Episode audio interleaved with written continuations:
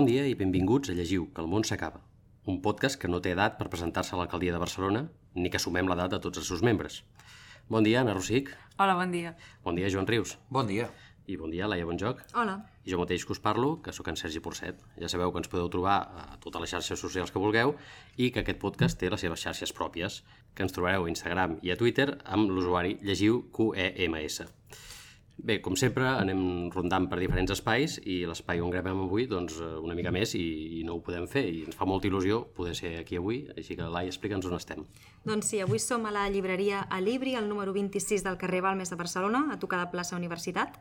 I bé, la llibreria va néixer l'any 1925, però no amb aquest nom, sinó que quan va néixer es deia Llibreria Herder, perquè la va fundar l'editorial alemanya Herder de Fribourg. Ni idea d'alemany, suposo que es pronuncia d'una altra manera. Al cap d'uns 70 anys d'existir la llibreria, a l'any 1999, va canviar de nom i va passar de dir-se de Herder a Alibri perquè es van desvincular els, els dos projectes, no? l'editorial i el llibreter, es van, es van independitzar. I finalment, doncs, com potser molts de vosaltres ja sabeu, l'octubre del 2022, a les portes del centenari de la llibreria, els propietaris anunciaven doncs, que tancarien i per això d'aquí suposo, Sergi, que deies això de que de poc no podem gravar, no? Una mica més i... I bé, és una notícia trista que, com podeu imaginar, doncs no es va dur a terme perquè si no, avui no seríem aquí. Uh, va haver-hi la sort doncs, que després d'aquest anunci, uh, poc després hi va haver un acord amb, amb l'empresa aquesta de subscripció Bookish, que segurament tots vosaltres coneixeu, que n'ha permès la subsistència i per tant doncs, estem supercontents no? de que es pugui mantenir un espai com aquest, perquè la veritat és que abans de començar ja hem estat aquí una bona estona fent unes voltes i és una llibreria enorme que us hi podeu perdre, que val molt la pena venir-hi, que està especialitzada doncs, en psicologia, en ciències socials, en humanitats, en idiomes, em sembla que l'han anat a fer una volta... Els llibres de Corea. Exacte. Sí, sí. No me n'he comprat cap perquè ja en tinc molts i no d'allò, però... Doncs imagineu que fins i tot té llibre, un bon fons de llibres de Sí. coreà, no? O sigui que realment jo crec que és una llibreria que és una molt, molt bona notícia doncs, que s'hagi pogut mantenir un projecte com aquest. Doncs com sempre, molt agraïts que ens hagin cedit un espai per la nostra gravació i bé, doncs contents aquí i realment val molt la pena de venir perquè tenen un fons espectacular. Sí, sí, a més amb, amb diverses matèries, eh? perquè, per exemple, crec que el, el que seria assaig literari, filosofia, um, textos clàssics, tenen, tenen un fons que és impressionant. O sigui, és, jo diria, juntament amb la Central i la Laie, um, és, o sigui, estan en una lliga d'un altre, d'un altre nivell. Eh?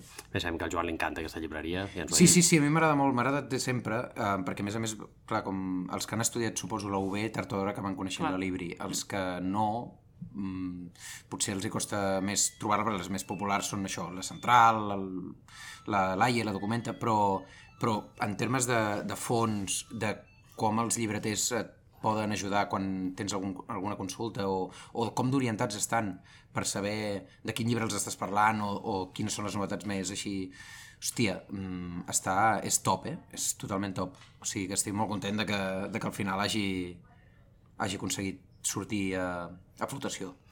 Tots ho estem perquè realment que una llibreria tanqui mai és una bona notícia. De vegades assistim atònits a polèmiques sobre el sector del llibre que salten sobretot a xarxes socials i que poden arribar a ser força agres. Eh, com passa, per altra banda, a qualsevol altre sector, eh? Eh, potser és sempre la mateixa gent que fa molt de soroll, però de vegades sembla que estigui tothom barallat, i segur que no és així.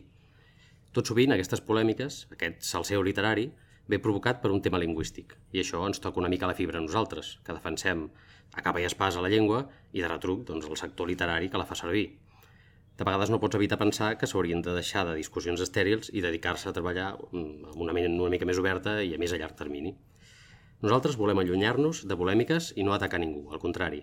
Volem parlar de la bona literatura que es fa a casa nostra, la que ens agrada llegir i compartir. Nosaltres, que som els del meteorit, eh, que anem gravant episodis mentre esperem que el món s'acabi, volem fer una crida a l'optimisme i parlar una mica de la literatura catalana en positiu. Que ho haguem de fer nosaltres? Serà possible? Bé, calceu-vos que això avui és llegiu, que és quilòmetre zero.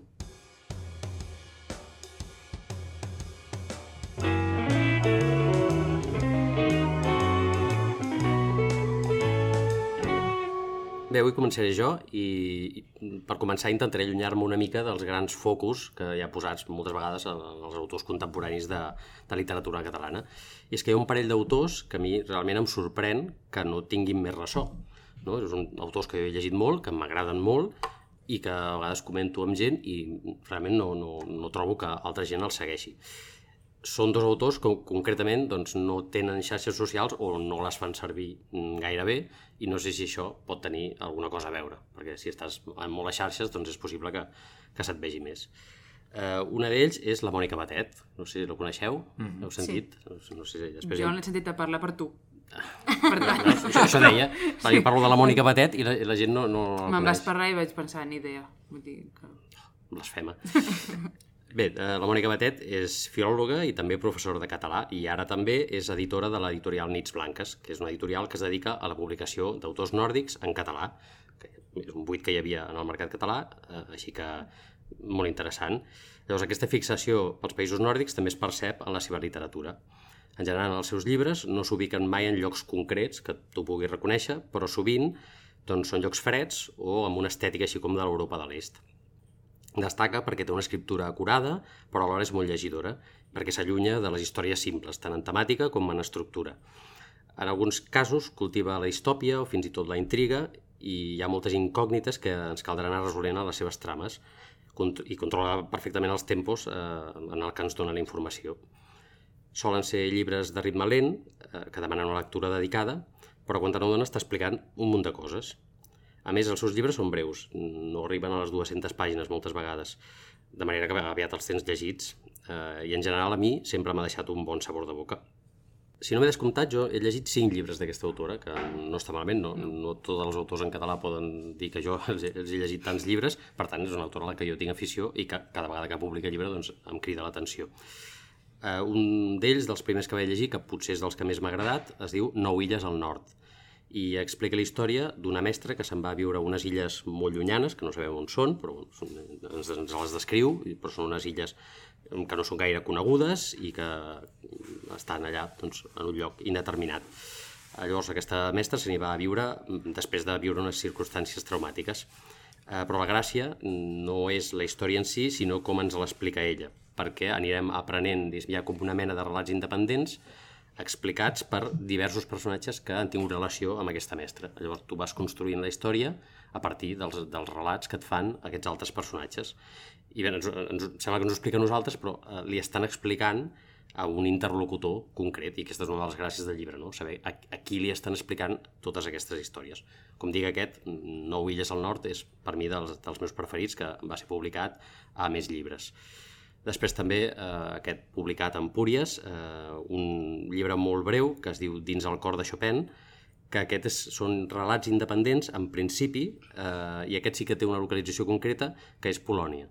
I aquests relats, que són molt breus tots, hi ha la tira, vull dir, és un llibre que són 100 i poques pàgines, però hi ha moltíssims relats, per tant molts d'ells són una pàgina només, eh, el que va fent és, és un retrat de Polònia de, del segle XX, no? amb totes les desgràcies. Veig que el Joan em demana la paraula. No, no, no. bueno, és que ara el, eh, estava veient com descrivies el llibre. Jo recordo que en, en un curs de la Bloom sobre um, conte català contemporani que va donar el Manel Oller, uh, vam llegir un, llibre, uh, un llibre de, de la Mònica Batet i no recordava el títol i crec que és aquest del cor de Chopin. I uh, he de dir que a mi, jo no comparteixo l'entusiasme del Sergi per, per el que vaig llegir, també és veritat que no he llegit cinc llibres d'aquesta autora i ara m'estàs fent pensar que potser Um, perquè eh, això de voler retratar una època no ho fan a la resta de llibres.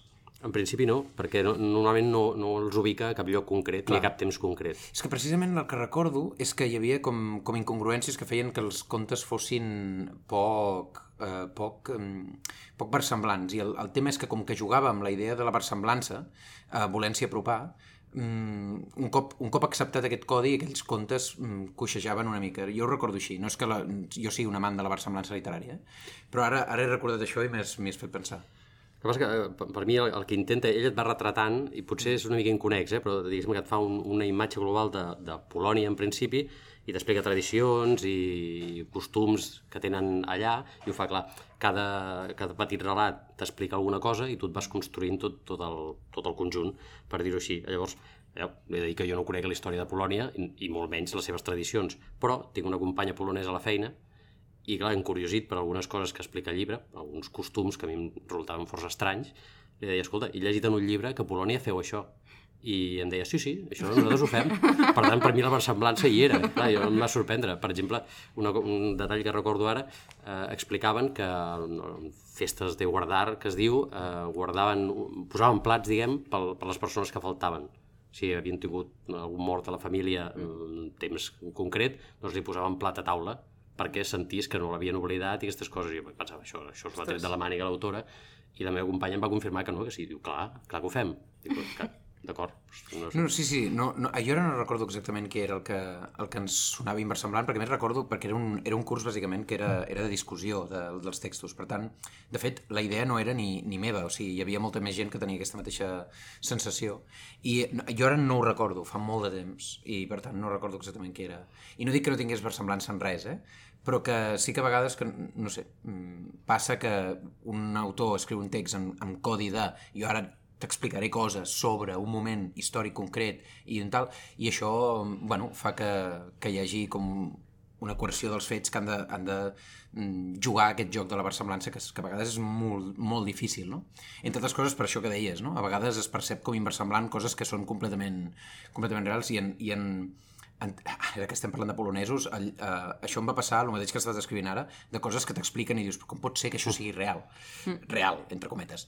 Um, això em va passar amb apunts de literatura russa i uns, i uns, apunts, i uns apunts de polonès o de literatura polonesa, una cosa així, de la Xenia de Konova, no me'n recordo el títol concret, que al final té com, una, com uns textos biogràfics seus que explica coses de la seva família que dius, no pot ser, això s'ho ha inventat. Ja. S'ho ha inventat seguríssim. I després, en entrevistes i tal, no, no, no, és completament cert. Sí, entre cometes, eh? Després un ho refà com pot. Però, hòstia, mm, a vegades passa que és, és més inversemblant la versemblança que, que al revés. La conclusió que arribem és que els polonesos són gent estranya. I molt bons escriptors. Això no treu que siguin gent estranya. Sí, Potser va a vegades va de la mà i i tot. Bé, aquest, eh, com deia, és un recull de relats que al final acaben doncs, fent la imatge de, de Polònia, aquesta imatge que l'autora ha volgut donar. Em consta que l'autora ha viscut un temps a Polònia, llavors jo penso que ha volgut fer un llibre amb, amb tots els coneixements que han adquirit. Entraríem en un debat que crec que no és producte d'avui, parlar si realment algú que ve de fora a, viure en una terra és capaç d'expressar diguéssim, el, el sentir d'una terra i poder representar-la amb una literatura que no és la d'aquell lloc i segurament autors d'allà ens ho podrien representar millor i segurament ens els creuríem més, que és allò, no? Tu dius, oh, si m'ho explica un autor polonès, doncs m'ho crec. O no, eh? O no, perquè jo què sé, vull dir, jo què sé, hi ha gent que ha viscut aquí que dius, hòstia puta, el... Uh, bueno, de fet, aquest debat és, és, com molt, és com molt interessant, perquè jo què sé, l'Eduardo Mendoza vivia a Barcelona, i no sé si tothom estaria d'acord que era el que sabia tocar millor no? L'aire del temps i descriure en les seves novel·les i tota la pesca. Vull dir que... És un no debat. Vull dir, no, és un debat i que no necessàriament algú que ha nascut en algun lloc i viu allà eh, de fet, retratar un lloc per mi és impossible. Mm. Retratar un, un lloc, a més, és una cosa, és una idea mitja etèria, perquè nosaltres pensem en, jo que sé, Catalunya, no? Catalunya és una cosa realment etèria, si no vas a la, a la cosa en concret, no? Al poble, a la, a la casa, fins i tot a la família, mm, és molt difícil, és molt fàcil perdre's en, en coses vaporoses i, i al final ho has de confegir tu. Llavors, eh, no parlava de la versemblança en aquest sentit, eh? Però, però molt bé, molt bé. Clar, me- també m'has fet pensar en Ruiz Zafón, que retratava, retratava una Barcelona que per mi, diu, però aquest home qui s'inventa? Sí, Aquesta sí, Barcelona no existeix, però deixem de parlar de gent famosa, Sí. parlem de la Mònica Patet, perquè jo intento que sigui famosa, Clar. ella, no? I, i m'interessa que, que, doncs, que, que, que, la, que la conegueu una miqueta més. Ara, recentment, eh, ha publicat un llibre que ha publicat a Mangla, que es diu Una història és una pedra llançada al riu, que dic, no sé, un parell o tres de mesos el llibre i en aquest cas una mena de distòpia militar que ha, diguéssim, eh, un gènere que jo no, no li pressuposava amb ella. Eh, però bé, explica la història d'una ciutat que no sabem on és, tot i que també eh, podia ser Polònia, tot i que no em consta que hagin passat coses així allà, però eh, un bon dia apareix una línia blanca al mig de la ciutat que la separa en dos i mm, doncs res, hi ha uns militars que no et deixen creuar, cadascú al seu cantó, tal, una mena de, de distòpia eh, que al final, diguéssim, serveix només d'escenari per explicar eh, però en aquest llibre el que intenta fer ella és dir, hi ha una sèrie d'històries, una sèrie de cançons que s'han reproduït a llocs molt diferents del món i que són molt semblants. És a dir, aquí expliquem una història... O sigui, la meva família m'explica una història que resulta que en un lloc molt remot de la Terra expliquen una història molt similar. Llavors, aquesta eh, coincidència d'història i de cançons també que es canten molt semblants a llocs molt remots, doncs eh, és el que feia uns personatges que es dediquen a estudiar això i l'escenari, diguem, és aquesta distòpia, però bueno, és un conjunt que a mi em va funcionar molt bé, eh, he vist gent que l'ha llegit també aquest llibre i que ha agradat bastant, però bé, eh, clar, també és un estil, sempre és, és molt lent, tot passa a poc a poc, escriu molt bé, és a dir, que a mi m'agrada molt, escriu de manera molt acurada, però segurament no serà de, de, del gust de tothom, esclar, però no, no, és això, no? potser les històries o el que t'explica no t'acaba de fer el pes, però crec que s'ha de posar en valor també la manera d'escriure de l'autora, que, que per mi és, és de molt nivell. Vosaltres, Anna i Laia, l'haureu llegit? Jo crec que he llegit el, de... el primer, que has, que has explicat. No illes al nord. Crec que sí. No me'n recordo gaire, la veritat. Jo també he dir que tinc molt mala memòria.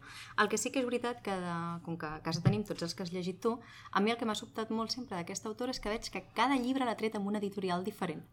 No? Sé que ha publicat a, a, a més llibres, ara Angla, diria que Meteora també n'ha tret algun, i va saltant molt d'editorial. Això també és una cosa que, que em sobta, perquè a més a més crec que també fa llibres que són prou diferents, que no sé si... I que també em resulta molt interessant, no? que crec que és una autora que no s'encasella, perquè aquest d'ara, ostres, aquesta mena de distopia que s'ha inventat, trobo que no, no hagués pensat mai que Mònica Batet faria un llibre així, No, la veritat. no, Vull dir, està- I em sembla molt interessant, perquè al final és, ostres, uh, repte també personal segurament, no? de no fer sempre el mateix llibre, que és una cosa que de vegades també se'ls demana als autors, ostres, fes-me llibres diferents, no? Sí, és més l'estètica, ella manté la seva estètica i la seva, En el seu estil, països, no? Però... però realment les històries que explica això, comentaves Meteora, mm, hi ha dos llibres que no, no he comentat, però bueno, tampoc no Em volia, sonava, em- em no sonava- volia fer d'això. Eh, un es deia Neu, ossos blancs i alguns homes més, més valents que els altres, i l'altre No mires al riu. Mm. Són, són dos llibres publicats a Meteora, Ah. que, que també he llegit, però, però bé.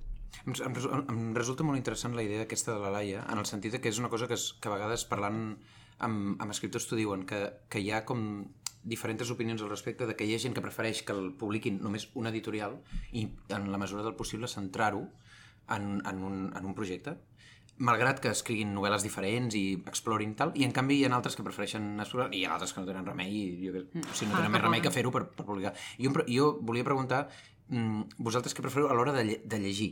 Perquè mm, nosaltres pensàvem en termes d'editorial, per exemple, pensàvem en Periscopi, no? que són una gent que ha aconseguit mantenir com una línia editorial molt, entre cometes, ambigua, però al mateix temps, en termes de qualitat, no ambigua, és a dir, sempre hi ha una cosa, teca boníssima allà publicada, però al mateix temps el, el, el catàleg són obres molt diferents i de, i de sensibilitats molt diferents, tenint en compte que a vegades, com a lectors, preferim això, o sigui, una editorial a qui tenim confiança i tal, què preferiu a l'hora del, de l'escriptor? No sé si m'explico, és a dir, us fieu més d'un escriptor que sempre el publica a Periscopi, per exemple? Jo no. Pregunto, eh? Jo crec Jo que no no. ho havia sempre, mai. jo sempre he pensat que és una cosa contractual. O sigui, clar, com que no sé com funciona, jo sempre em pensava que llavors el, els autors que sempre els publica la mateixa editorial sempre m'havia pensat que era per una cosa de contracte, no? O sigui, no sé, a mi m'han comprat els drets i per tant publico allà. Però si a mi m'agrada un autor, el llegiré igual a l'editorial que publiqui, jo crec. A no ser que, com que estem tan ficats en el món, aquest llavors ja comenci a haver-hi run-runs de que sempre estava publicant a un lloc i ara canvia, i si ha canviat és per alguna cosa, que això a vegades també passa, però bueno. que a vegades pot ser per bé o per malament. O sigui, No, no, que canvia és que- editorial és perquè té unes condicions Per millors això. o perquè potser no té la qualitat suficient per seguir publicant allà on publicava. Però que aquestes coses són les que tu saps arran d'estar ficat una mica... Que algú el- t'ho expliqui una Exacte. mica... I això em referia. Les veus de darrere. Sí. Això em referia. Tu veus a l'autor que de sobte publica un altre lloc i et preguntes, hòstia, què ha passat aquí? De la mateixa manera, um, hi ha autors que, lo- que potser, vull dir, han publicat dos llibres en anagrama. No, anagrama ho feia molt, això. És a dir, publicava, um, com es diu, el, el Vila Mates. El Vila Mates, um, clar, publica una novel·la a anagrama, anagrama li publica totes les seves novel·les a compactes i al final algú, vull dir, saps? O sigui, hi ha el, hi ha el component aquest que el compres perquè ja forma part del catàleg, vull dir, és un, saps? Vull dir, és... El... No sé si um, això pot acabar influint, saps? És una cosa que, que m'interessa en com es rep el- el- l'escriptor si només el publiquen en un lloc i al final hi ha lectors que potser no haguessin arribat mai a aquest, a aquest lector però hi arriben per l'editorial i d'altres eh, que els publiquen com molt saltejats i costa més que acabar fent una obra en termes de lectors, eh? no en termes de, només d'escriptura.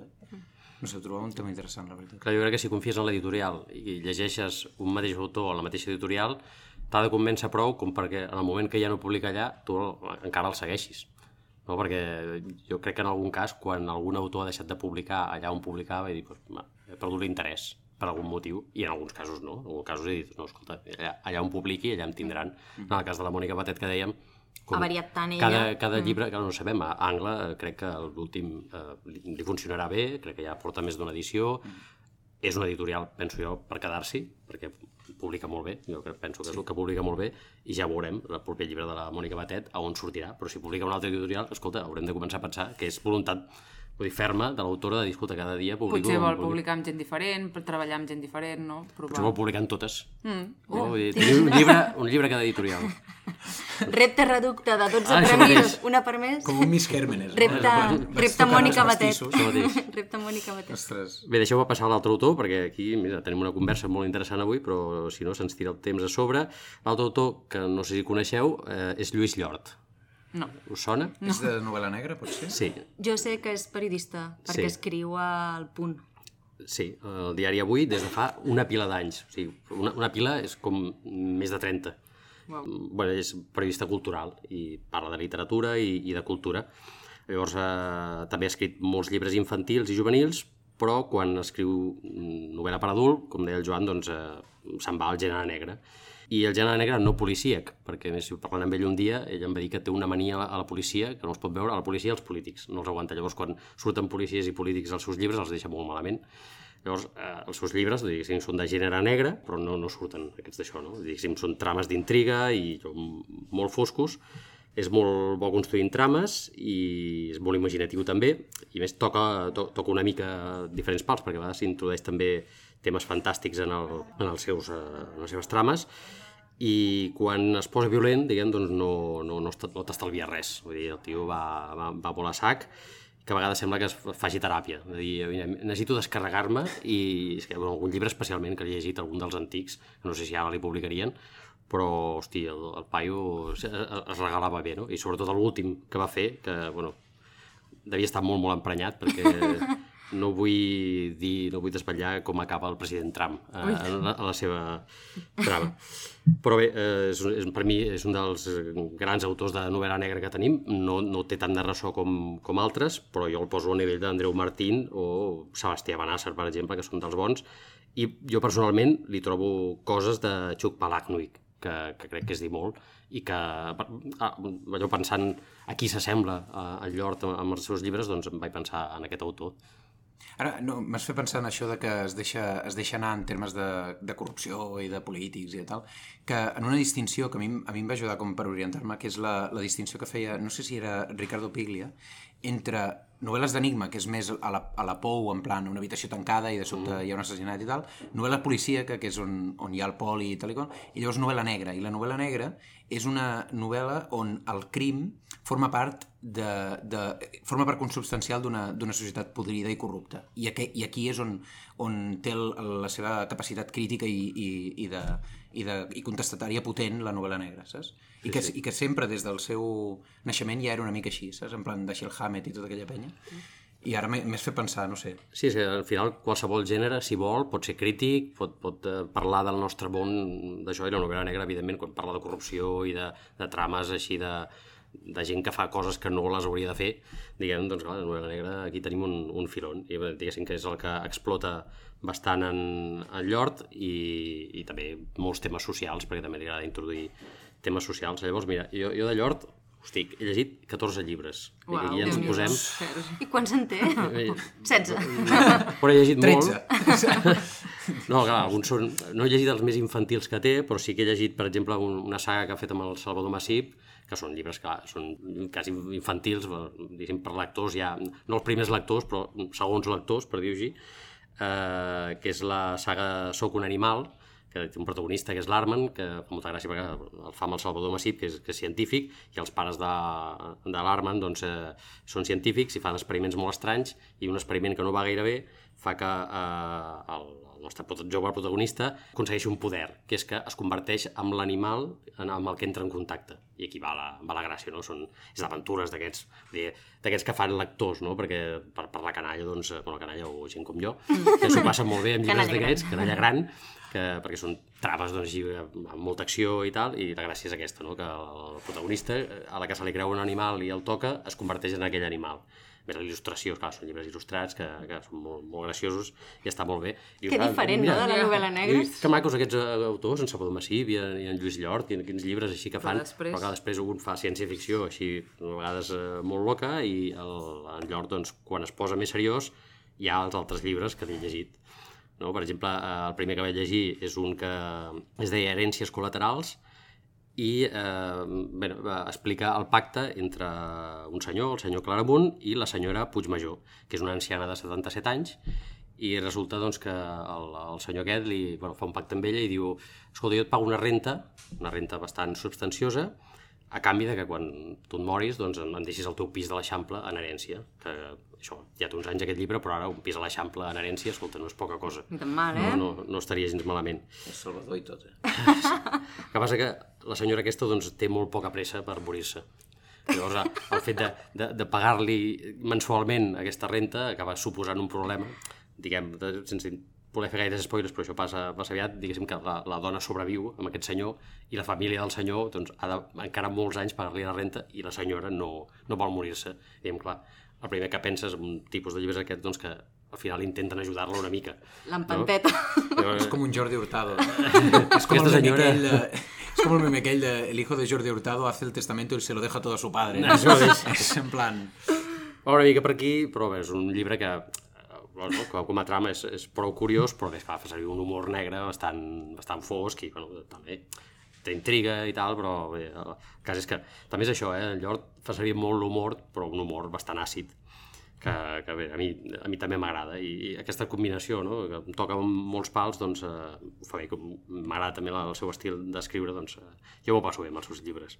Llavors hi ha un altre que es diu eh, Si quan et donen per mort un dia tornes, explica la història d'algú que torna a casa després de 14 anys desaparegut sense cap mena de, de, de pistes. Un dia va desaparèixer, no van saber res més d'ell, i un dia torna a casa i es planta davant dels seus pares, perquè un va marxar era molt jove, després ja és un home de més de 30 anys, i clar, doncs, tothom flipa molt i doncs, com pot ser, on has estat, què has fet tot aquest temps. Llavors, és que va recuperant la història de tot el que ha fet aquest temps, que una, una sèrie de... com es diu això? Catastrófiques desditxes. Una sèrie de catastròfiques desditxes eh, que, que, que al final és millor realment que no els, hagi, no els hagi explicat tot el que ha fet durant aquells anys, perquè realment la trama es complica molt, però és molt consistent, no? Vull dir, tot, tota la trama que explica, dius, hosti, quina història, quina imaginació, i això. I perquè a més em consta que, que en, en Llort s'ho inventa. I a més allò, dius, tu llegeixes i dius, hosti, aquest, aquest home deu haver viscut aquestes situacions. I no, no, el tio s'ho patilla, però s'ho patilla molt bé. És, és molt versemblant amb el que explica, o almenys a mi, m'ho cola molt, no? Fins al punt de pensar que realment ell ha viscut algunes de les situacions i en principi no, perquè estava treballant al, al punt avui mentre s'escrivia aquestes coses, vull dir. No sé, i l'últim que volia parlar és un que és així una mica diferent, que es diu No n'estiguis tan segur, que aquest, la gràcia és que el títol, diguéssim que no, no, no explica res de la història, sinó que en- ens ho està dient a nosaltres. No n'estiguis tan segur, perquè és un llibre que parla molt de trames socials, de, de gent marginal i bueno, de criminalitat i, i problemes socials realment, però la gràcia és que les certeses que vas tenir al llibre, és dir, típic, no? tu comences un llibre, hi ha un protagonista, aquest protagonista li passen coses i tal, fot uns girs que no estem gens acostumats. No, no, no vull dir el què, perquè és un llibre d'això. És un llibre que passa molt bé, aparentment senzill, tot i que, tot que parla molt de, de temes socials, però és allò de dir, de sobte se't capgira, capgira tant la, la trama que dius, hosti, això no, no, no, això no m'ho no, no esperava. Llavors això no n'estiguis tan segur perquè el que tu penses que pot passar aquí no passarà. I dono unes voltes i està aquest és un dels últims que va publicar, bueno, va publicar un parell més després, que també he llegit, però bé, per no allargar-me, perquè si he de parlar dels 14, eh, I en aquest cas ell ha publicat en la mateixa editorial tots o la majoria dels llibres? O... Ell abans publicava a la Magrana, eh, RBA, bueno, la, la Magrana va passar a RBA i tal, després va caure una mica en desgràcia, ara està a Penguin. Crims.cat, no?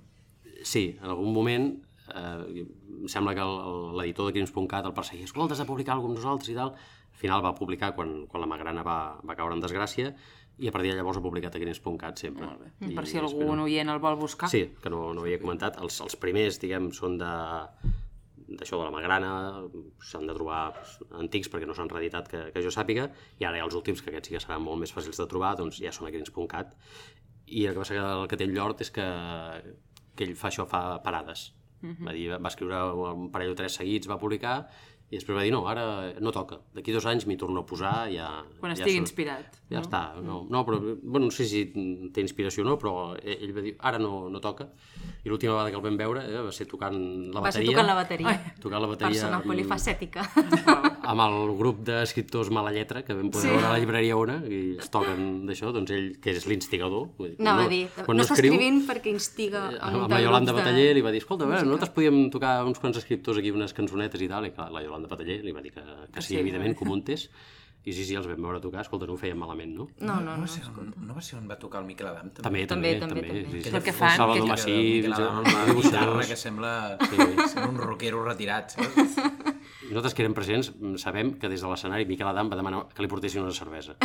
Quan una cançó que no tocava, va fer un senyal i li van portar una cervesa. Només, només, només una està bé. Sí. Fa, fa d'editor. Una, una que veiéssim nosaltres. Bé, jo avui he decidit uh, preparar la meva secció de manera una mica diferent i, de fet, el que he fet és inspirar-me barra copiar-me de l'Anna, que ja va fer una cosa així una vegada, um, i és fer treballar una mica els altres. Uh, el que he fet és intentar fer uh, una mica de treball de camp, perquè amb tot el tema, m'hi va fer pensar tot el tema del nostre episodi anterior, que ja vam parlar de Sant Jordi, i que sí, les llistes, llistes amunt, llistes avall, i com que anàvem a parlar d'autors de literatura catalana, sí que és veritat que em va venir al cap eh, una pregunta respecte als autors de literatura catalana que sovint encapçalen aquestes llistes de Sant Jordi, perquè molts de nosaltres a l'anterior episodi dèiem jo no n'he llegit cap d'aquests que surten, no? i llavors em va donar la sensació de que ja vam dir de que hi ha molts autors i que es publica molt, Uh, però que n'hi ha més coneguts que d'altres i que no per tothom els autors més coneguts són els mateixos. N'hi ha que destaquen per sobre de la resta, no, no em ficaré en temes ni de qualitat ni de gustos, això cadascú és lliure, però sí que és veritat que va- vaig pensar en la bombolla, en la nostra bombolla en la qual estem ficats, que sempre diem que per nosaltres els que potser són els més bons o els més reconeguts o els més llegits, després ens n'adonem de que quan sortim de la bombolla això no és veritat, no?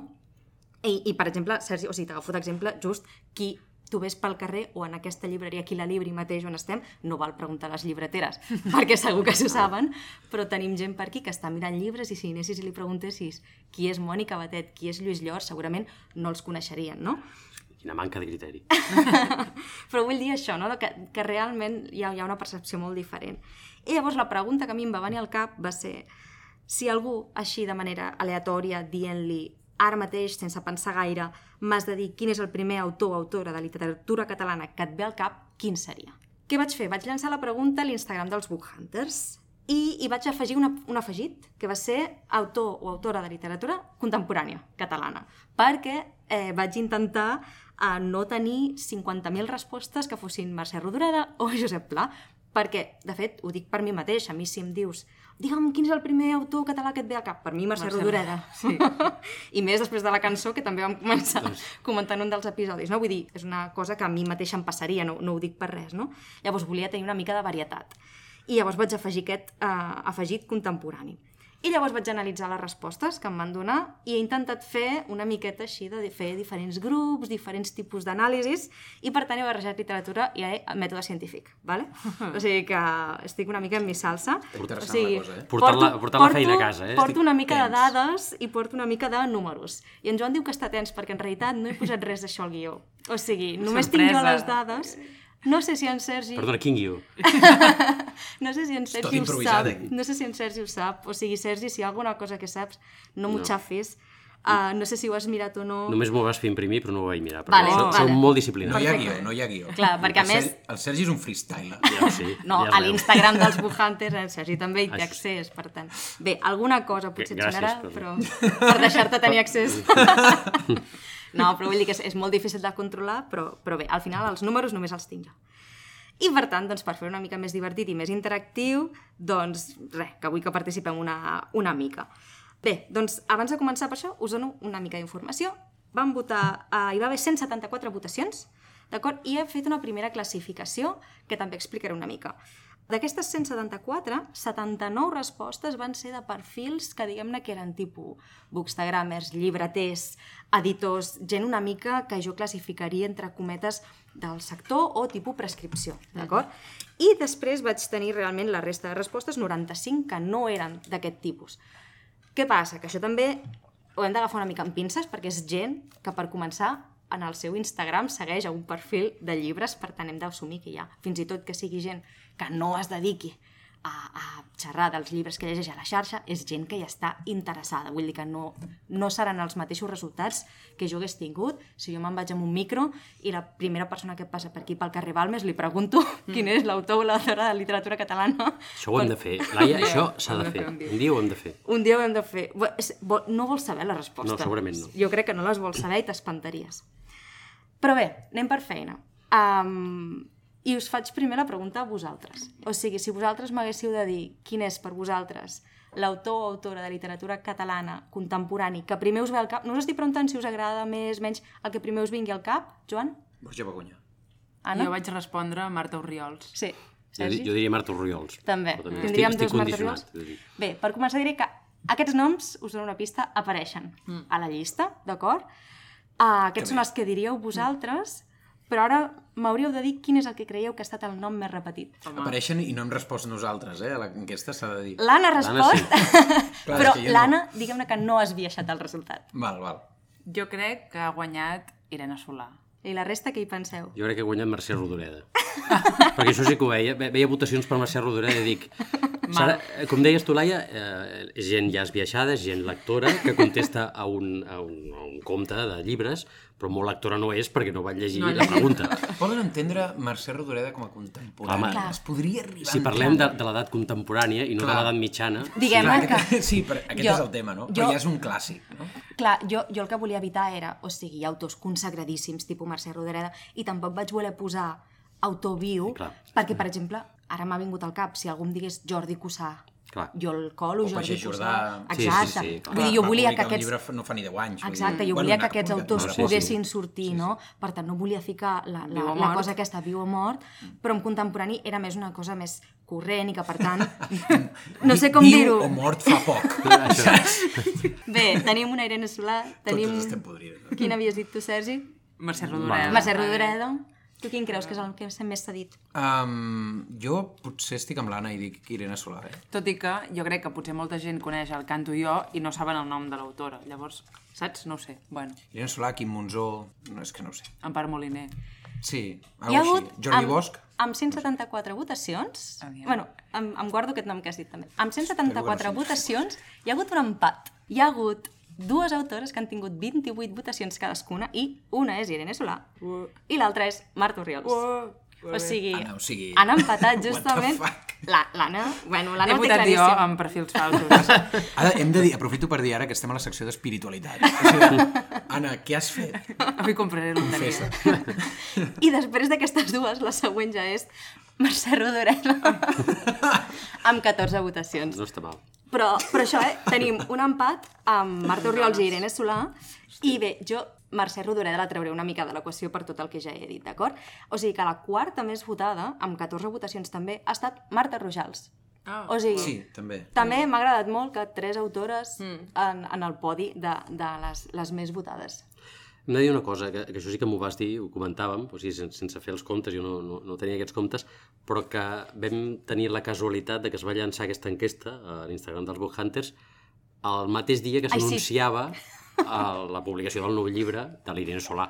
Sí. I vam pensar que potser això condicionaria la gent, perquè clar, quin és el primer que passa pel cap? Clar, hosti, Després de veure al llarg del però dia... totes les llibreries que seguíem al nostre perfil havien ensenyat el llibre de l'Irene Solà aquell dia. Sí. Potser, diguéssim, També s'ha de dir que el, que el Canto Jo era el més venut fins fa Sí. 4 setmanes. Sí, sí, sí. Estic sí. exagerant, eh? Sí, Però vull dir sí, que sí. jo crec que la gent el té, la té bastant Sí, sí, sí, no, no, és per, no és per desprestigiar la- No la- gens, l'autora, no gens. però que a més va, es va, va coincidir que diu, hosti, nou llibre de l'autora que tothom tenia al cap, a més, més inputs a favor de que, que hagués tret més o menys el mateix resultat, no crec que canviï, eh? Hem Però... de llegir-lo, eh? Perquè el, eh, jo la gent que me n'ha donat feedback fins ara, És bo. que, que Diuen. tampoc hi ha ningú, ningú m'ha donat feedback havent-se llegit el llibre sencer, eh? però les coses que m'arriben és que és mi, un pèl millor que, que el Esperaré, del jo, jo, Jo. jo esperaré que m'ho expliqui, Joan. No, algun dia llegim els quatre i, i, I el fem, i fem una pira. En veu alta, en veu alta llegirem. Una pira bona, eh? Bé, Marta Oriols, Irene Solà i Marta Rojals, entre elles tres s'han emportat el 40% dels vots. Per tant, he de dir també que en total el nombre d'autors diferents que m'han dit són 48. Uau, o sigui que n'hi ha tres que s'emporten moltíssims vots i a partir d'aquí la cosa ha estat molt, molt, molt repartida.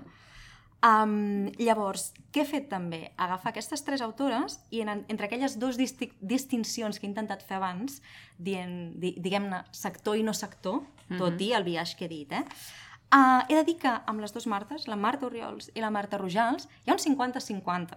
O sigui que no és que hi hagi gent més o menys ficada en el mundillo, dintre del que jo he pogut veure, que hagi votat més una o l'altra. En canvi, a Irene Solà era més un 30% de gent sector i un 70% de gent fora del sector, o sigui que realment no crec que vagi tant per aquí pel que dèiem. Això és el que em va fer pensar que és gent segurament que l'ha llegida, no? i que els hi sona autora o que simplement doncs, que, que sí, doncs, que, que està bé que quan hi ha una autora molt reconeguda que treu un llibre, doncs se'n parli i els hi vingui al cap, no? Que a mi em sembla que és molt interessant mm, per als que ens agrada la literatura, que passin coses com això, o la pell freda, per exemple, independentment de si tu t'agraden el, el llibre o no, eh? com en el cas del Canto Jo, per exemple, però són autors que els estan interessats per la literatura, Sí. que no és el mateix que si ven molts llibres, el, doncs, ho sento, eh? però el Jordi Bosch, el Martí Gironell, que ja saps que els vendran perquè tenen la seva promoció, etc. Són gent o sigui, que, té, que la seva obra és literària, saps? I em sorprèn molt aquest 70% de gent que no és del sector però que coneix. A mi això, hòstia, em dona esperances, entre cometes. Sí. Seguint una mica amb la llista, per també dir uns quants autors en plan que, bé, més que vots, que han tingut bastantes mencions, però que ja no és tan bèstia com les, com les que he dit, tindríem a Jaume Cabré, Eva Baltasar, Sánchez Pinyol, Sílvia Soler, Toni Sala, Anna, també s'ha dit Alba Dalmau, i no vas dir tu Alba Dalmau? Amor i no, ja. Tenim la Care Santos, tenim també en, en, en Borja Bagunyà, però aquí ja comencen a ser doncs, que dos persones, tres persones. Per tant, com a científica, des d'un punt de vista estadístic, És necessitaria més vots per començar a, a tenir potser una mida... Necessito una mida mostral més gran per començar a dir això sí, això no, no? Um, què m'ha sobtat també? Coses que volia destacar. Ah, En Joan abans ha dit Xavier Bosch, no? On són tots aquests noms que encapçalen normalment les llistes? Han aparegut, ha molts noms, tipus um, Xavier Bosch, Albert Espinosa, Maria Barbal, Gemma Ruiz... Tots aquests noms han sortit, però me'ls ha dit només una persona. I curiosament sempre eren gent d'aquest, entre cometes, no sector. Òbviament, eh? Només una persona que m'ho hagi dit no puc fer estadístiques i tampoc puc dir, doncs això és així, però sorprèn que són autors que representa, que han estat els més venuts o que són reiteradament any rere any els més venuts en certs dies de l'any i que realment quan a la gent li dius va, ara, sense pensar, quin és el primer nom que et ve al cap, no és el primer nom que els ve al cap, no? Mm. També és, és curiós, això m'ha mm. sobtat. I autores que també han rebut bastants noms, doncs això, Eva Baltasar, que recordem que és que ha estat nominada al Booker també, no? Ostres, la primera autora catalana nominada a aquest premi, doncs que també uh, hi ha gent que, que, que l'ha dita, però sí que és veritat que, per exemple, Eva Baltasar, de les vuit persones que me la van dir, set eren persones sector, entre cometes, no? I, per exemple, per si t'interessa, Joan, doncs a Borja Bagunyà me'l van dir dues persones, una de cada. Per tant, doncs Ah, també mira. 50, no és només que sigui No, gent està que del està bé. sector el conegui, doncs sí que no, també és, que és un autor doncs, que, que se'l que se'l coneix. Home, hauríeu de veure aquí la taula que té la Laia amb percentatges i xifres i colors, eh? Ha fet un, Sí. una camp, un treball de camp Això bastant... sembla el gremi de llibreters, eh? Sí, sí, sí. Clar, molt el tema dels, dels colors, és, primer els vaig ordenar només per, per nombre de vots que havien tingut, llavors em vaig fer la columna per veure quin percentatge d'aquests vots venien d'això, de sector no sector, i després el, el tema dels colors és molt aleatori, però és com jo les categories que vaig fer, no? Uh, tinc, per exemple, marcats un percentatge bastant alt d'autors que per mi eren noms molt reconeguts, tipus Albert Espinosa, tots aquests, perquè em sobtava que és que eren, ostres, estaven tots amb només un, una menció i a més a més eren gairebé que venien de gent doncs, que és doncs, gent no sector, no entre cometes, o agrupats, per exemple, també tenia això, doncs, diferents autors, sí, doncs coneguts, Jaume Cabré també, 13, 13 persones que ha anomenat, que també és una persona doncs, molt reconeguda, i, i per exemple, només 4 que van anomenar Jaume Cabré doncs, eren persones, diguem-ne, de sector. És un autor que, si el comparem doncs, amb altres autores que hem comentat, té una trajectòria molt llarga, no? Mm. Però, però bé, sí, molta varietat. També m'agrada molt que me'n diguessin 48 de diferents. Vull Ja, dir ja, que són també... molts. Mm. Però sí que és veritat que recordem això, eh, que tres autores s'han emportat el 40% dels vots, que per tant, doncs, hi ha autores catalanes que ho peten, i això està guai. Mm. Clar, cal dir que això és una enquesta de 24 hores, Sí, una enquesta sí, sí, sí. Instagram, no li donarem una validesa estadística més enllà de, de, de la mostra que hem tingut, però a mi m'agradaria destacar que els primers llocs, i i no només els primers, sinó alguns després, són autores. I diguem que està molt bé, crec que segurament si haguéssim fet aquesta enquesta fa uns anys no hagués sigut així, però ara hi ha doncs, moltes autores que la gent té al cap i que llegeix i que consumeix i, escolta, crec que és una cosa a destacar també. Sí, sí, sí. No? Jo la veritat és que sí, sí. Des d'aquí, si algú escolta i va votar, doncs moltes gràcies, perquè Sí, jo tant. primer estava preocupada per tenir tres vots, ja us dic, ara no podré fer estadístiques. I Em, M'hauria de però- pensar una altra secció. Clar, clar, clar, no, ara... Un... Clar, és que no, no, no. Llavors, sí, sí. Moltíssimes gràcies a tothom qui va participar i que, que està xulo també saber uh, aquesta cosa... Jo volia treballar amb això del subconscient, no? Perquè quan ens, deix ens deixem molt de temps per pensar, doncs, doncs això. I, I vaig pensar també que potser, quan, potser la gent em deia clar, no sé en funció de què, això ja és una altra pregunta, no sé en funció de què la gent m'ha dit el llibre, però, ostres, i si la gent era el llibre que estava llegint en aquell moment o l'últim llibre que havia llegit? També pot ser. O no? potser que no, Molts que no l'hagis ni llegit, però és un nom que et ve al cap. Clar, clar, és el que deia en O que no Sergi, tinguis no? intenció de llegir-lo. El... no? Però Sí, sí, sí. O Exacte. això, no? Doncs aquell dia estàs, estàs a Instagram veient ha sortit el llibre d'Irene Solà, no sé què, no sé quantos, I em pregunten quina és la primera autora? Ostres, doncs bé, no, que hi ha molts condicionants, no? I que sobretot el que he dit al principi, que no són ni termes de qualitat ni de gustos, jo l'enquesta anava en un altre sentit, anava amb l'enquesta del subconscient i de pensar quins són els autors catalans o catalanes que tenim més al cap. I doncs bé, com que n'hi ha tants, com veieu, tenim molta varietat i segur que tothom té el seu autor preferit. Va, molt interessant. Anna, què ens portes tu avui? Doncs jo, com no podia ser d'una altra manera, us voldria parlar de traducció. Oh, quina sorpresa! I en concret de la traducció de la nostra literatura a altres idiomes.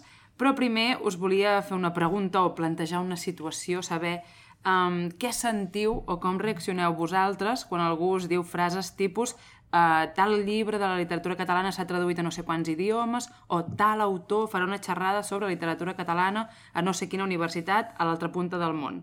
Vull dir, com reaccioneu quan sabeu que fora d'aquí hi ha interès per la nostra literatura i els nostres autors? Què sentiu o quina és la vostra reacció? És estrany, no? És que un- una sensació que, que, no, que, que és nostra, que és una cosa nostra d'aquí i que quan va fora, no? I vull dir, em sento estrany di- dient això fins i tot, però que dius, hosti, que raro, no? Que algú s'interessi per alguna cosa d'aquí. Quan hauríem de sentir orgull, sí, no? Sí, hauríem d'estar molt orgullosos. Molt com això que deia la Laia de, de, del Booker per la- l'Eva Baltasar, no? Està nominada a la, a la shortlist del, del Booker. Clar, això és, això és interessant, perquè jo no sé si... mm, No, no sé si em donarien el carnet de català en aquest sentit. Perquè, per exemple, jo en el cas del Booker, a mi il·lusió no em va fer. Perquè no, no és que no, no és que em- m'emprenyi, per exemple, o que em disgusti, o que... però sí que penso que va molt lligat amb l'obra que s'està traduint. És a dir, jo en el cas de la- de l'Eva Baltasar no m'agrada gens, mm, res de lo que li he llegit, mm, res de lo que he intentat amb, amb ella de, de, de seguir m'ha m'ha interessat ni m'ha agradat el... en fi i, i clar, quan vaig veure que el primer llibre escrit en català que nominen pel Booker Prize, que més és un premi on hi ha llibres que els han premiat que són boníssims, hòstia, és aquest, i dius, me caso amb l'hòstia. Això és, el que, això és el que, el, el que sura, no? Això és el que veu la gent de fora. Clar, a mi que, que tradueixin l'Albert Espinosa m'interessa zero, però clar, m'interessa zero perquè no és la meva literatura. Entre cometes, tinc com més sensació de fidelitat o de lleialtat a un tipus de literatura específic que no pas el fet de que sigui literatura catalana. Que depèn de la literatura catalana que sigui, me la pot pelar bastant que la tradueixin, encara que tampoc em molesta. Vull dir, no sé. T'he de dir, en aquest cas, el, el, aquest tríptic de, de l'Eva Baltasar, per mi Boulder probablement és el millor dels tres, eh, però també quan li van donar el Premi Òmnium en el seu moment, jo vaig pensar, hosti, si això és el millor que tenim en català aquest any, anem una mica fotuts, i, i m'ha agradat el llibre, eh? considero que és un, per mi és, sí que és un bon llibre, i me, més enllà del que expliqui, m'agrada com escriu l'escriptora, però vaig pensar, hosti, això realment és el millor que tenim, perquè li donin el Premi Òmnium a millor novel·la en català de l'any. Bé, és un altre debat, probablement, però clar, també s'ha de, s'ha de dir que perquè et dominin el, el Booker ha hagut d'estar traduït a l'anglès. Mm. I clar, no tot el que tenim, encara no, que sigui millor, ha estat traduït a l'anglès prèviament. No per tant, del que hi havia, doncs, Ja escolta, està esbiaixat en un cert punt Clar, al premi dir, perquè, òbviament, només és... Si, per exemple, tu pot agradar molt en Borja Bagunyà, per exemple, si els angles morts aquell que, No està això, no l'anglès, està a l'anglès, no pot optar a res. Clar, hi, ha, hi, ha una circu... hi ha una qüestió de circulació de textos que tens tota la raó del món. Um, a mi m'encantaria, ara que s'ha traduït l'Urpí del Max Besora a l'anglès, que, que el nominessin amb ell, per exemple. No? Si, mira, o sigui, en realitat estic parlant d'una sensació pròpia, eh? O sigui, estic intentant ser franc. Mm. Uh, si l'any que ve nominen el Max Besora, mm, em faré un xupito. M'entens? O sigui, Us convida, no? em fotré un xarrup de, de Baileys al seu, a la seva salut perquè és un tio que jo crec que té molt, molta menys consideració i se li han fotut uns pals a vegades molt injustos per part d'autors que a més a més sí que la tenen aquesta consideració. Penso en el, Marc, en el Marc Pastor, per exemple, i coses aquestes, no? I és un autor que és molt seriós, malgrat que les seves novel·les són sempre una conya, eh, o tenen el to de la conya, no? Però que sempre hi ha operacions molt interessants en el que fa. S clar, jo ho, ho sento així, no? a mi en el cas de l'Eva Baltasar doncs, no, no sé, fins i tot em va, em va semblar em va saber greu que hi hagin altres autors eh, que a mi m'interessen més que, que se'ls se veu poc no només fora, eh, sinó aquí també eh? en premis d'aquí, vull dir però bueno, jo què sé Doncs bé, com, com comentava en Sergi, no? que és una sensació estranya o com jo el que sento és sorpresa, no? sovint de dir hola, no? I, i quan hi reflexiono me n'adono que potser aquesta sorpresa és fruit de jo mateixa pensar que la literatura catalana és petita i que fora no li interessarà a ningú i com dir, ostres, com és que un editor d'un altre país ha volgut traduir aquest llibre i dius, bueno, potser és perquè és un llibre doncs, que és de qualitat o que creuen que als seus lectors els hi pot interessar, no? simplement, i no pensar que, que no tenim interès. I, I justament jo aquí tenia en el meu guió, però ja ho hem avançat, que es veu que hi ha un cert interès pel fet aquest que, que l'Eva Baltasar doncs, està nominada al Premi Booker, no? Com dèiem, que és el primer llibre escrit en català que ho aconsegueix, Mm, no se sap encara o no sé quan es resol el premi, si sortirà guanyadora, però bé, des d'aquí, jo no l'he llegit, l'Eva Baltasar, cap llibre seu, però sí que em va alegrar la notícia, ja no per l'autora, sinó per la trajectòria o la difusió que pot tenir el català, allò com a llengua, com a català, no sé. Encara que sigui llegit en anglès, en aquest cas, el premi, però això, que jo aprofito per donar-li l'enhorabona des d'aquí, i ja seguirem, a veure, sabent com es resol el premi, i, i jo us proposo, o jo em proposo a mi mateixa, ficar-me al cap que realment fora d'aquí sí que hi ha interès per als, Clar. els llibres que Clar, l'alegria s'escriuen. per la llengua sempre, no? Sí. Però és que a mi m'alegra escoltar un xaval parlar català a, a, jo què sé, a l'estació de Clot quan estic anant, tornant a casa, m'entens el que vull dir? O sigui, eh, l'alegria Que per la malament llengua... estem, Te- no? Tenim, tenim el llistó molt Escolta'm, baix. no, però és que és així, vull dir, Sí, o sigui, sí. tu vas per Barcelona mm, habitualment i no escoltes el català pràcticament mai, inclús, inclús jo què sé, entres a bars on, on el tio està parlant en català amb un tio a la barra, tu entres i et parla castellà per demanar-te un cafè, m'entens? sí. O sigui, perdó, per demanar-te què vols i tu demanes el cafè, no? I li demanes el cafè en català, llavors tarda millor tres o quatre respostes, preguntes a canviar. Vull dir, que alegria per la llengua sempre, eh? Jo parlava en, en termes de, de llibre, però sí, sí, tant i tant. Doncs, com us deia, avui parlant una mica de traducció, a mi m'agradaria comentar-vos algunes curiositats, diguéssim, no sé, sobre la traducció de literatura catalana a altres idiomes i totes les dades que us donaré jo les he extret del TRAC, que és una base de dades de l'Institut Ramon Llull que podeu consultar a internet, TRAC, T-R-A-C, i, i que és una base de dades que inclou tota la informació dels llibres de literatura catalana que s'han traduït, qui és el traductor, l'any que es va fer l'editorial. Llavors, una cosa que a mi m'agrada molt és que podeu veure les cobertes de les traduccions no? i veure, oh, mira, aquests tenen bon gust, oh, mira, aquests, mm, horrorosa, oh, mira, aquesta m'agrada més la traduïda que l'original. No sé, a mi és una cosa que em sembla curiosa de veure i m'agradaria començar parlant d'una autora contemporània, que ja n'hem parlat abans també, però bueno, perquè, com deia abans la Laia, no? també autors com Mercè Rodoreda o Josep Pla ja sabem que s'han traduït, o ja pressuposem que s'han traduït, són autors amb molta trajectòria i, i que eh, segurament a les universitats, si de fora estudien la nostra literatura, doncs ja hi ha un interès mm, previ format, però m'agradaria parlar d'un cas que ja hem esmentat abans, que és el d'Irene Solà i el seu Canto jo i la muntanya balla, perquè mm, és un llibre que es va publicar fa 4 anys i que ens pot agradar més o menys i podem estar més o menys d'acord amb si calia aquest rebombori i tot plegat, però es va publicar fa només 4 anys i avui, a maig del 2023, ja s'ha traduït a 14 idiomes. Jo crec que és, és bastant. I com és d'esperar, doncs, entre aquests 14 idiomes hi ha el castellà, hi ha el francès, hi ha el portuguès, hi ha l'italià, que són idiomes que ens són més propers. Uh, però un petit apunt que volia fer aquí és que segurament la majoria de llibres catalans que es tradueixen, el primer idioma al qual es fa la traducció és el castellà, per una simple qüestió de proximitat geogràfica i lingüística, perquè són idiomes similars, però el canto jo, per exemple, s'ha traduït entre aquests 14 a idiomes que jo dic, mm, uau, no? Vull dir, el lituà, l'hongarès, eh, el danès, no sé, a mi són coses, com deia abans, que em sorprenen i penso, hi ha una persona a Hongria llegint aquest llibre, no veure, sé. i, I tenen muntanyes i cabirols, també. un Sí, sí, sí, però de dir, bueno, ja tindran els seus autors que escriuen sobre muntanyes i cabirols, doncs com és que algú va decidir, no? Però bueno, aquí tenim els nostres poetes bucòlics i traduem a la, a la Sí, sí, sí, Amanda sí. Gorman Vull i a la, i a la Rupica. Fet a la inversa, sí, fet a la inversa cap aquí Sí. ho veig com obvi i normal, però quan Sí. dic, i per què al revés? Dic, ai, que raro, no? Vull dir, és aquest sentiment estrany que no entenc. Jo no sé si se sap, però i tot això és traducció directa del català? S'ha traduït del català al lituà, del català a l'hongarès, això Clar, ho això saps? no ho he investigat, però sí que... Es, es pot saber el track? Uh, no sé si allà ho inclou, però sí que pots veure... Perquè també m'encurioseix, ostres, ja tenim traductors del català al lituà que han traduït... Clar, després comentaré una cosa relacionada amb Ah, això vale. que potser llavors pots dir, ah, Ah, mira, va, entenc... Home, jo espero que la majoria sí, perquè si no... No, era una curiositat només, Sempre només. però... cosa. Sí, Sí. sí, ja ho investigarem, ja ho Ai. investigarem. Home, el, el, em sembla que han fet fora l'entrenador del Barça de bàsquet, o sigui, en Jessica Vicius, ell és lituà i parla Estarà català també, o sigui, traduint. pot, pot traduir. I qualsevol persona que conegui dos idiomes Sí, home, sí, en és Jessica apta Vicius per sí. per traduir qualsevol cosa. Això, i com deia, no?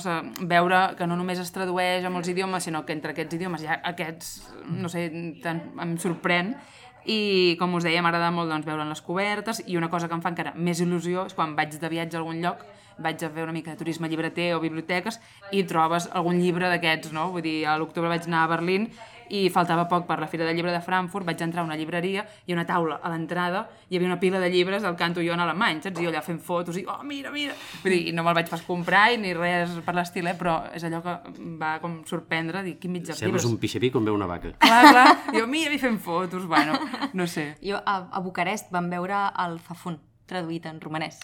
Sí, no sé, és que fa com Sí. una Fa, il·lusió. fa il·lusió, i vam anar directament a buscar llibres, a veure quins llibres tenien traduïts. Vaya drama, però sí. Sí. bueno, és, és normal. I, I bé, ara veurem doncs, eh, la resposta que tindrà a nivells de traduccions. Eh, et vaig donar ulls i vaig mirar les tenebres, com dèiem abans, que segur que ja s'estan negociant contractes i coses. He mirat si algun lloc veia si ja deien si es traduiria al castellà. De moment no n'he vist res, però bueno, fa mm, dues setmanes que ha sortit. Segur que ja s'està fent, però no ens ho han dit. Estarem al cas.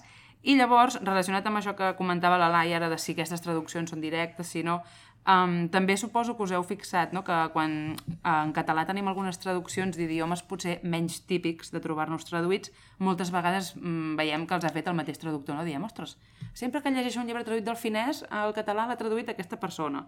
I això és perquè segurament són idiomes que no hi ha gaires traductors literaris que tinguin com a llengües de treball, llavors sempre han d'anar a buscar aquell mateix traductor. I llavors, a la inversa, passa el mateix. No? Quantes persones, eh, quants traductors literaris d'hongarès eh, saben català Clar. fins al punt de poder-ne traduir una novel·la com Canto jo a la muntanya balla? Doncs no crec que gaires. I llavors m'agradaria comentar-vos el cas de les traduccions del català a l'eslovè, que eh, moltes que he vist en aquesta base de dades, no? les ha traduït Verònica Roth, que és la que va traduir Parmagel, d'Eva Baltasar, per exemple, però també ha traduït La memòria de l'arbre, de la Tina Vallès, L'art de portar gabardina, d'en Sergi Pàmies, Carta a la reina d'Anglaterra, de Vicenç Pagès i Jordà, Mecanoscrit del segon origen, de Manuel de Pedrolo, La pell freda, d'Albert Sánchez Pinyol, algun llibre d'en Cabré, també, vull dir. Segurament, si hi ha alguna persona a Eslovènia interessada per la literatura catalana, veurà que tots els llibres els tradueix la Verònica Roth. I això en català també ens passa, no? Segurament, no sé si teniu algun nom detectat de dir tots els llibres del suec o... Home, per exemple, tenim el cas de Murakami.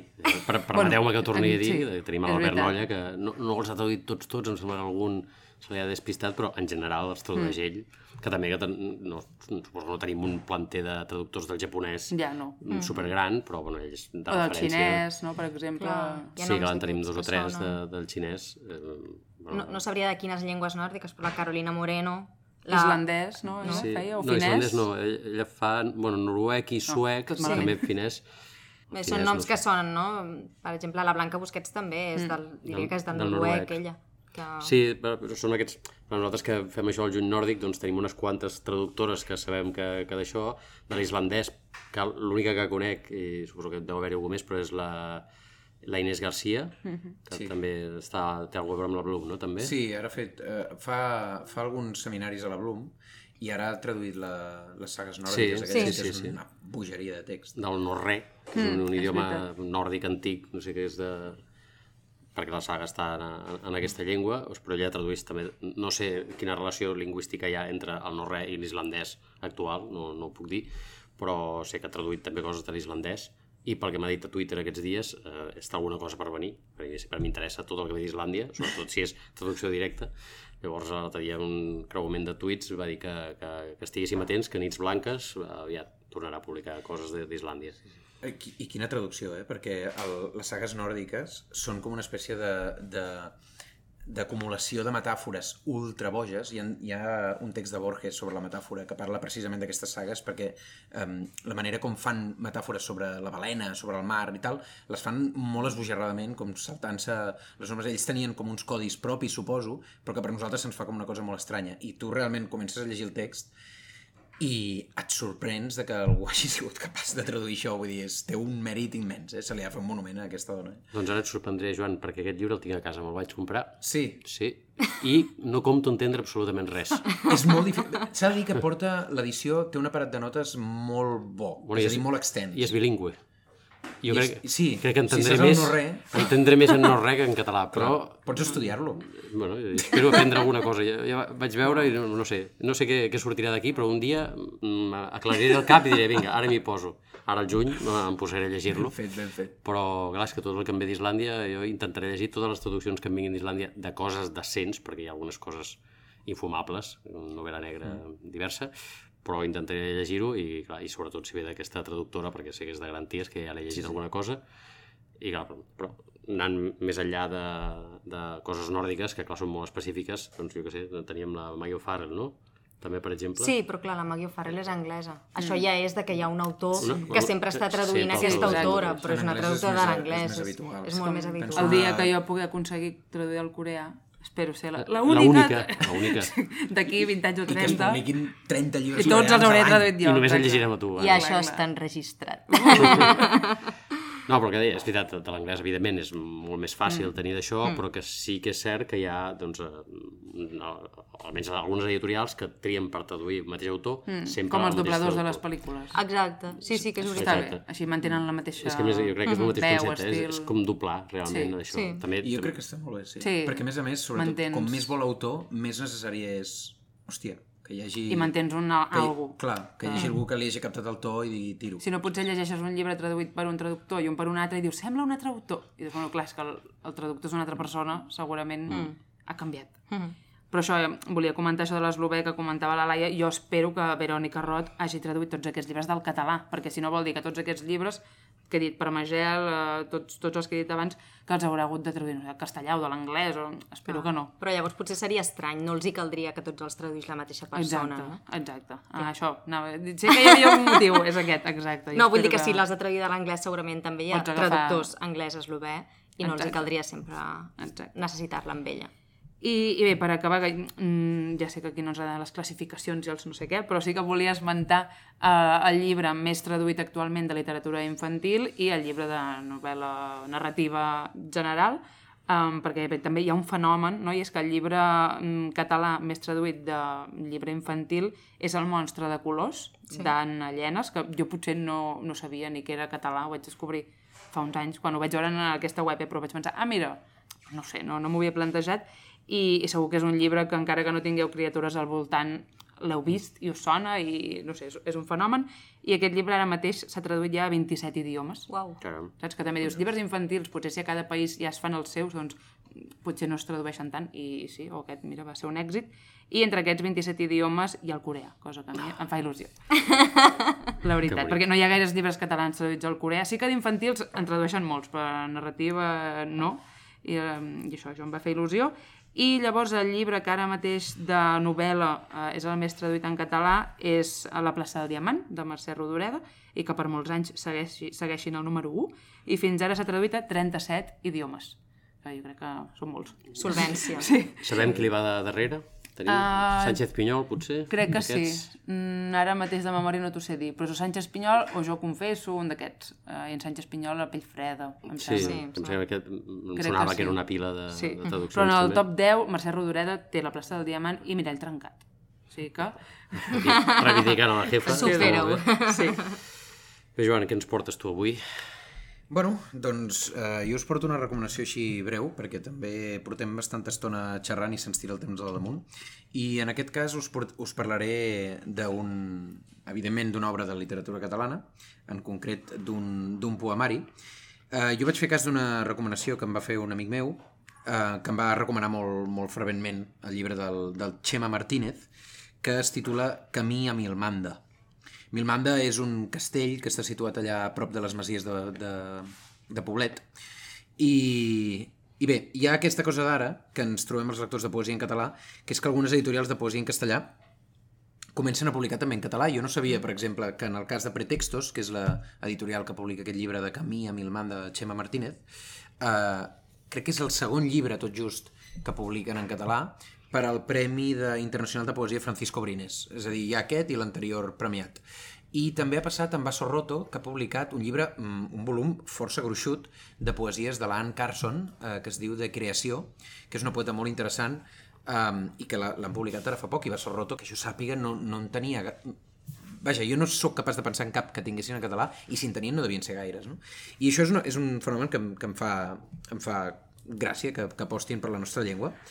Um, L'altre és que L'altra cosa que volia dir és que em vaig trobar un d'aquells llibres, en el cas del llibre del Xema Martínez, que a mi me'l manda, em vaig trobar un d'aquests llibres amb una empenta interna molt concentrada i, i amb una imaginació molt, molt peculiar, no? una escriptura tensa, um, com ella sola, i, i que a mi personalment, des de les primeres dues tres pàgines ja era, era com conscient, tenia com aquesta idea d'estar llegint un llibre que seria molt bo. Um, per situar-ho una mica, el llibre, bàsicament, és la veu d'algú que acaba de fer els 50, els 50 anys aproximadament, recorda la seva infància i, i les absències que habiten aquesta infància. Sí? Precisament en són 50 de poemes i malgrat que tots tenen una forma aparentment similar, les maneres de cada un d'ells eh, varien sensiblement. Tots són, s'ha de dir, eh, poemes curts, a vegades em deixa una mica perplex aquest costum de... que això és a banda, eh? però hi ha un costum com de fer llibres de 150 pàgines de poemes de dues línies, no? I, a veure, jo sé que cada, cada autor fa amb el seu llibre el que vol, eh? però hi ha, hi ha com un punt de dir, ostres, m'estàs venent un llibre que potser val 18 euros, que són 150 pàgines i hi han dos. Hòstia, no sé, si fos un llibre de haikus encara ho entens, però a vegades hi ha com aquest, eh, aquest to sentenciós, no? que et volen fer les sentències de dues, de dues línies, de dos versos. A vegades són dues línies. I, i a vegades fa una mica de mandra. En aquest cas, la, la, el fet de que siguin poemes curts juga a favor del llibre. Eh? És, una, és, una, és una cosa molt, molt intensa, que potser en poemes més llargs mm, ho hagués costat una mica més de seguir perquè hi ha una concentració de, de metàfores i d'imatges eh, molt, molt forta i, i molt potent.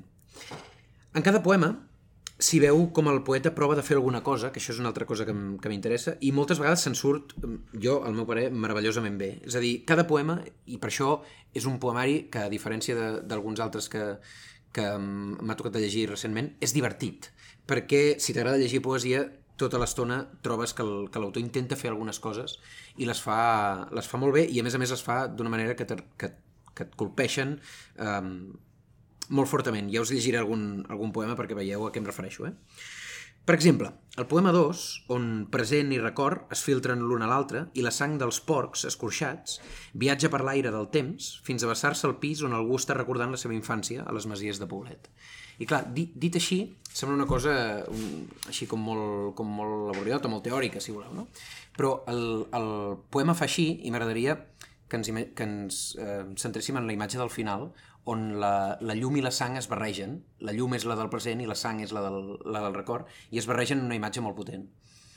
Aixarrancada, la fató de sang que s'escorria penja al buit dels ganxos a la costa del vell escorxador abandonat, Avui un ball de màscares i cervells en formol, de vora casa. Inhumada l'olor de figa i mora, pels conills desnocats que es budallaven. Els esguells dels tocinos no han callat. Xopa de sang al pis la matinada. I al, al final hi ha aquesta imatge com de, de la, la sang sent la llum que entra en el pis i, diguem-ne, és un, algun al present que torna al passat i que torna al present. No? Hi, ha, hi ha operacions d'aquestes en molts dels poemes i a mi personalment és, un, és una cosa que m'agrada, veure que, que contínuament el, el poeta intenta fer intenta fer coses que tu pots eh, seguir com a, com a lector i que fan que el, que el poemari sigui divertit. El poema 7, per exemple, el qui recorda s'amaga darrere les fulles i espia un nen que es gronxa, com les onades, cito el llibre, mentre els xiscles de la canalla es fonen en travessar l'interregne aquest que separa els dos temps en què s'escriu el poema, i jo diria gairebé tot el poemari. Eh? El poema diu així.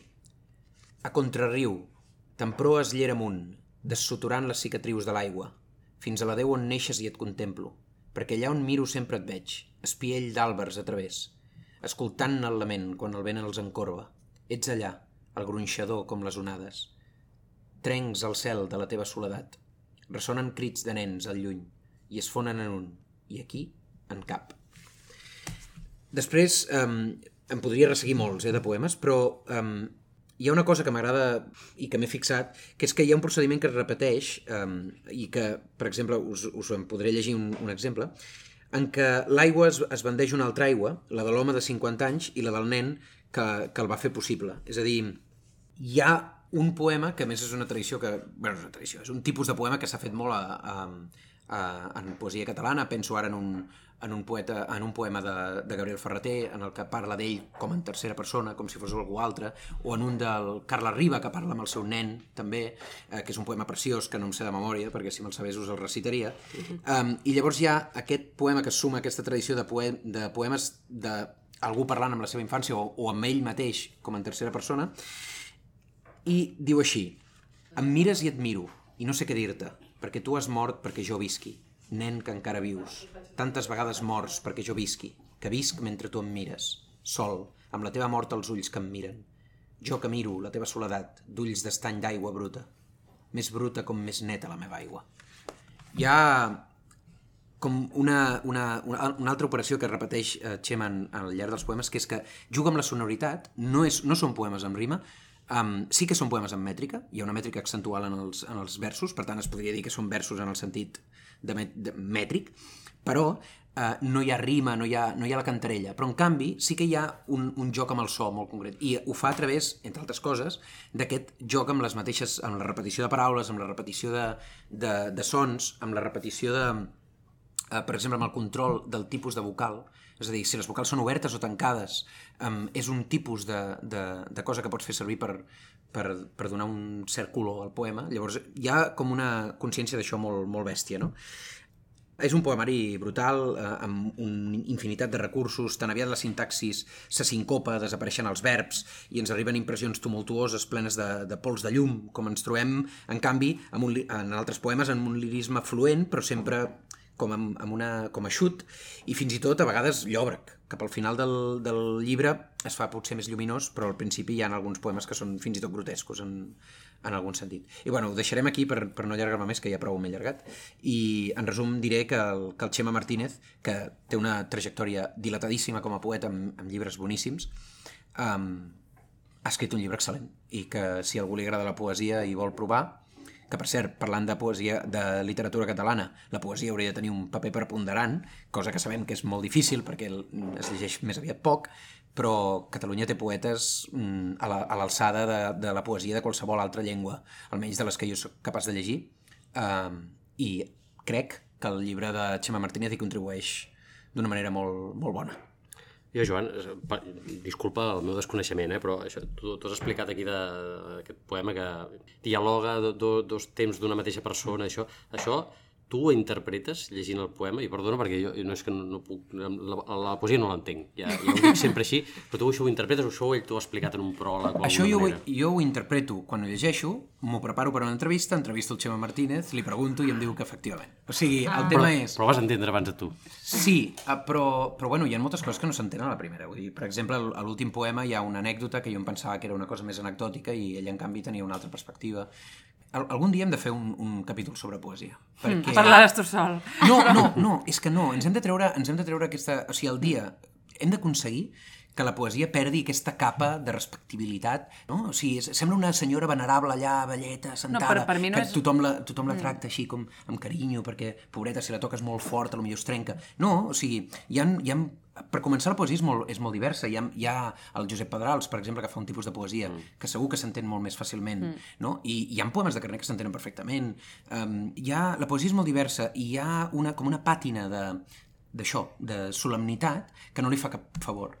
En aquest cas, sí que és veritat que hi ha poemes que no s'entenen a la primera, però si tu llegir un, un poema una vegada és, és un mal consell. Um, sobre, és, la poesia és curta, però has de dedicar-hi al mateix temps probablement que en, un, que en una obra de narrativa, en el sentit que jo hi ha poemes que, hòstia, estic llegint i penso, crec que està fent això, l'haig de tornar a llegir i llavors dic, és això, efectivament, saps? I llavors és quan um, creus que tens com el, el poema una mica agafat, te l'has fet una mica teu. Jo llegeixo zero poesia, molt poca. Um, però bé, l'últim que he llegit així, a més a més que era un autor català, doncs que era aquell que el vaig penjar a Instagram també, era, que es deia La mutació dels pollastres, el Pep Sanz, i jo li vaig dir amb ell tal qual, us ho diré, eh, que jo el vaig entendre, el poemari, gràcies al pròleg de la Míriam Cano que hi havia, perquè més el, el va publicar Fonoll perquè tenia un premi que ara no me'n recordo quin era. Però jo reconec que jo sense aquell pròleg, o sigui, ja llegint el pròleg, no sé si ho vaig entendre gaire, però les coses que vaig pillar, diguem-ne, que eren gràcies al pròleg, vull dir que crec, amb la poesia tinc la sensació que necessito allò que es diu lectura acompanyada dels sí. nens de... amb els joves que se'ls diu que les lectures de les escoles han de fer una lectura acompanyada, doncs jo tinc aquesta sensació amb la poesia i amb altres tipus de literatura no tinc tanta Clar. aquesta sensació, no? Però bé, poca poesia que llegeixo és llegir poesia catalana. Bueno, està bé, està bé, però digues, Sí, no, com si, eh, que diu la Laia, com si per poder llegir poesia haguessin de fer un curset per saber-la entendre, saps? Clar, jo et diria, mira, si creus això, llegeix un poema del Manel Marí. El Manel Marí, per exemple, té un poema, que és un sonet, a més a més, que és una cosa classicota i tal, sobre un tio que està en un bar. I, i parla de les coses que es veuen en un bar normal i corrent. Jo, jo he estat en aquell bar diverses vegades, entre cometes, no? O sigui, i és un poema que s'entén a la primera. O, o llegeix, o, o els haikus. Per Mhm. exemple, tu que t'agrada la tradició asiàtica, um, hòstia, els, els haikus hi ha molts que, que són imatges molt concretes que tampoc són complicades d'entendre, no? A vegades també hi ha la, la qüestió aquesta de...